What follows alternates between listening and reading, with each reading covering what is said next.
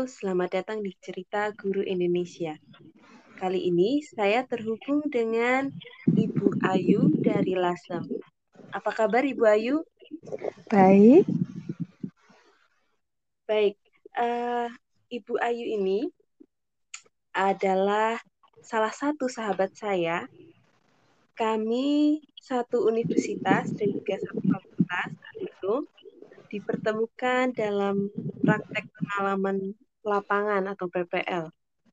Bu Ayu ini dari uh, jurusan PKN ya waktu itu. PKN ya, atau betul. PPKN? PPKN ya. Nah, saat ini Bu Ayu tengah rehat dari uh, profesinya mengajar karena sedang menanti anak pertama beliau. Nah, dulu Ibu Ayu ini mengajar mata pelajaran PPKN. Nah, seperti apa pengalaman beliau? Mari kita simak.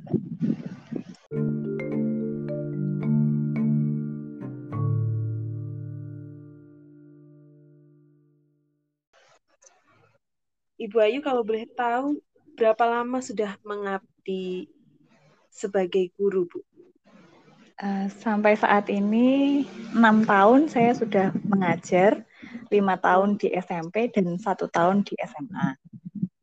Mm-hmm. Itu uh, berarti dua sekolah yang berbeda ya bu ya?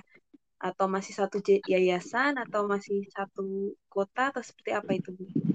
Kebetulan waktu yang SMP itu saya sudah berada di dua sekolah tapi masih dalam satu lingkup yayasan. Hmm. Tapi juga mengajar di PPKN dan juga mengajar di mata pelajaran sejarah. Kalau hmm. di SMA hanya di satu sekolah saja.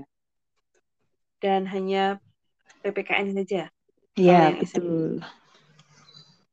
Untuk yang mata pelajaran sejarah itu karena sekolah sejarah pada saat itu ya.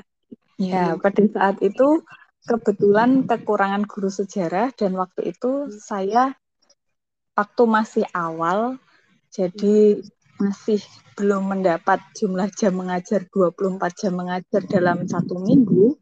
Jadi hmm. saya ditambahkan untuk mengajar sejarah pada saat itu, tapi hanya untuk satu tahun pertama saja. Setelahnya hmm. saya hanya berfokus mengajar PKN saja.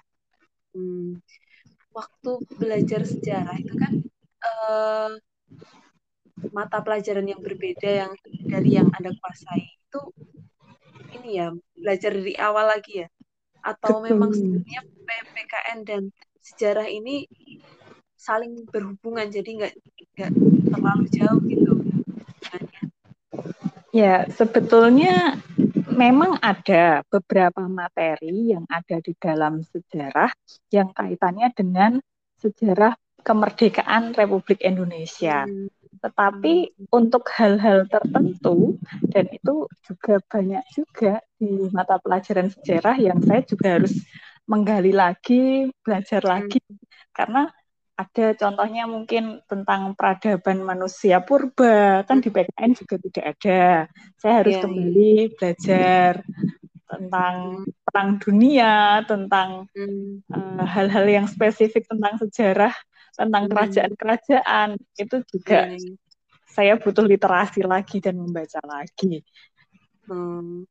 baik kalau balik ke pelajaran PPKN uh, ini sebenarnya seberapa penting sih pelajaran PPKN ini, Bu? Ya, uh, untuk pelajaran PPKN itu sendiri, ini kaitannya dengan tujuan umum dari pembelajaran PPKN. Selain berfokus kepada pendidikan moral, pendidikan akhlak untuk membentuk karakter peserta didik ini untuk menjadi warga negara Indonesia yang baik, hmm. warga negara Indonesia yang baik itu juga mencakup banyak hal. Contoh mungkin dengan menumbuhkan cinta tanah air. Karena hmm. PR kita saat ini itu adalah kurangnya rasa cinta tanah air uh, anak-anak uh, sebagai generasi muda terhadap negaranya sendiri. Hmm. Selain itu juga tentang ya hal-hal yang sifatnya umum saat ini. musuhnya anak-anak saat ini itu adalah bertutur kata yang mungkin kurang sopan. Hmm, itu kan iya, kaitannya yeah. juga akhlak yang harus kita ciptakan supaya hmm. mereka ini juga tahu bagaimana dalam hal bersikap. Itu. Hmm. Hmm. Dan di pelajaran PPKN ini uh, guru ibaratnya membimbing mereka untuk menjadi warga negara Indonesia yang baik ya Bu ya. Ya. Yeah. Kalau kesulitannya sendiri apa ya Bu yang paling sering Ibu hadapi ketika mengajar PPKN? Untuk kesulitan kalau dalam hal materi, kalau dalam hal materi itu mungkin isi dari materi PPKN itu kan banyak hal yang sifatnya hafalan.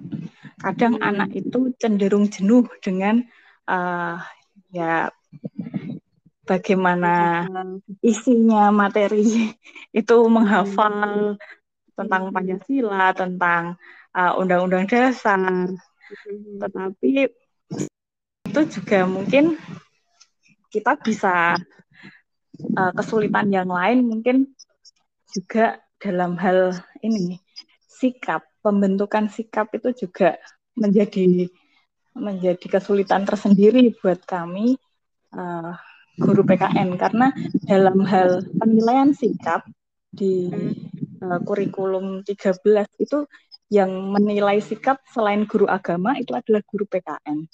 Jadi nilai uh, kompetisi yang KI 1, KI 2 itu yang mengisi guru PKN. Hmm. Jadi mengamati sikap anak itu guru PKN. KI itu apa, Bu? kognitif satu, kognitif dua, oh. kognitif tiga, kognitif empat. Hmm. Jadi kalau kognitif satu itu kaitannya dengan beragama, hmm. KI dua itu uh, kaitannya dengan sikap-sikap, KI tiga itu nilai nilai dari ulangan harian, nilai dari ulangan uh, tugas, KI empat dari nilai keterampilan. Hmm. KI 3 dan KI 4 ya, ya. Hmm. KI 3, KI 4 itu semua guru mengisi. Tapi kalau KI hmm. 1 khusus guru agama, KI 2 hmm. khusus guru PKN. Oh, begitu. Baik. Ya. Baik. Kalau uh, menghadapi kesulitan-kesulitan yang Ibu Ayu sebutkan tadi, itu uh, strategi apa yang Ibu gunakan supaya siswa-siswa ini antusias terhadap mata pelajaran yang Anda bawakan? Ya, kalau strateginya pertama dari uh, untuk menumbuhkan cinta tanah air dulu. Biasanya hmm. sebelum memulai pembelajaran, saya membiasakan di dalam kelas itu menyanyikan lagu nasional yang hmm. itu sesuai dengan tema pelajaran yang akan kita bahas saat itu. Jadi berganti-ganti tiap pertemuan. Uh, dan itu nanti yang memimpin anak. Setelah itu baru nanti uh, secara bergantian anak yang memimpin itu akan uh, membacakan Pancasila dan diikuti oleh teman-temannya. Itu hmm. setiap pembelajaran demikian.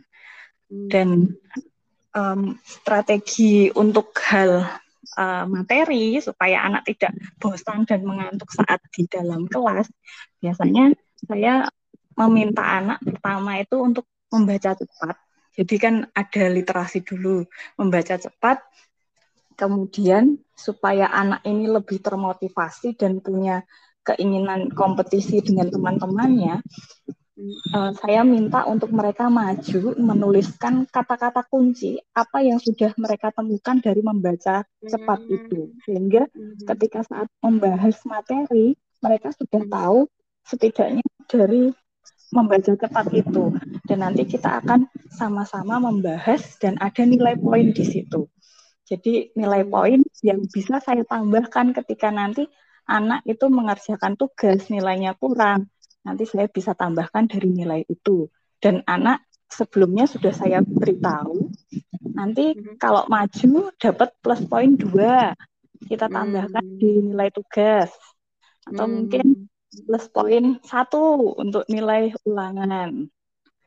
Nah, supaya ada motivasi anak Iya, iya. biar nggak ngantuk anaknya juga seneng Hmm. begitu caranya saya Dan tanggapan anak-anak juga ini ya, apa hmm, merespon dengan positif ya, antusias juga ya dengan kegiatan seperti ini. Ya, pada dasarnya mereka ini mengantuk karena kadang ada yang cenderung hanya mendongeng. Jadi Hmm. anak kan kurang interaksi. Jadi Oh iya, iya. saya berpikir bagaimana anak ini berinteraksi, tapi mereka juga antusias.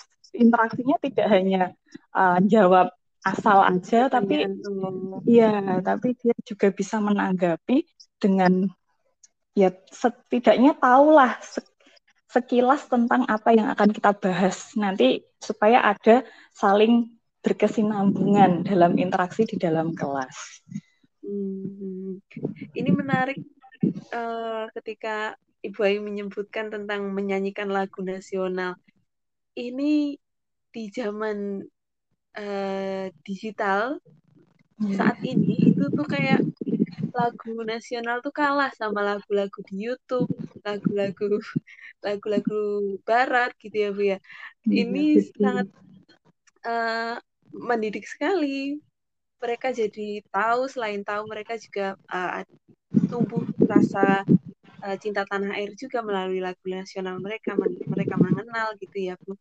Kemudian uh, membaca cepat itu kalau saya dari uh, apa namanya saya kan basicnya dari pendidikan bahasa Inggris itu kami juga juga memiliki strategi kurang lebih yang sama. Membaca cepat kemudian mencari kata-kata uh, kunci itu sangat membantu kami memahami suatu bacaan sebenarnya. Menarik sekali Bu Ayu. Um, kemudian kalau harapan sendiri uh, dari Ibu Ayu terhadap generasi penerus kita dari sudut pandang guru PPKN, dari sudut pandang mata pelajaran PPKN, harapannya apa? Dari mereka mempelajari mata pelajaran PPKN ini, ke depannya uh, seperti generasi seperti apa yang Ibu Ayu harapkan ke depannya? Uh, ya harapannya sebagai guru PPKN untuk generasi muda bangsa khususnya ya anak-anak yang masih bersekolah saat ini di jenjang ya di jenjang apa pun itu ketika mereka masih bersekolah itu adalah saat yang paling bagus dalam hal penanaman nilai-nilai moral, nilai karakter dan juga uh, nilai nasionalisme yang itu akan ke depannya menjadikan uh, sebuah tanggung jawab juga buat dia ketika nanti mereka sudah dewasa, mereka punya istilahnya merasa memiliki negara ini sehingga ketika dia berlaku di dalam bersikap di dalam masyarakat, mereka juga punya rasa mencintai negara kita. Ya dalam hal kecil sajalah. Saat ini mungkin dalam pengetahuan-pengetahuan yang sifatnya umum tentang negara atau hmm. Uh, mungkin saat ini bagaimana anak itu dapat mencintai negaranya? Karena saat ini memang sangat krisis sekali anak-anak yang mencintai negaranya. Kadang malah uh, cenderung nggak hafal Pancasila. Padahal Pancasila ini dari TK sudah sudah dimulai waktu uh, upacara bendera sudah diajarkan, tapi yeah. malah banyak yang tidak hafal tentang Pancasila. Setidaknya yeah. mereka punya karakter mencintai negara, gitu. Iya, yeah, yeah. dan siapa tahu bisa jadi banyak sekali uh, anak-anak eh, anak-anak Indonesia yang kemudian mengglobal ke luar negara Indonesia, mereka membawa nama Indonesia dan membawa citra baik seba, uh, sebagai karakter orang Indonesia begitu ya Bu. Semoga harapan Ibu Ayu dan saya juga ini terwujud Amin. untuk generasi kita ke depan. Baik, terima kasih banyak Ibu Ayu telah membagikan pengalamannya. Terima kasih juga para pendengar podcast Cerita Guru Indonesia. ikuti terus podcast kami di episode selanjutnya. Tetap sehat, tetap semangat, dan salam edukasi. Thank you.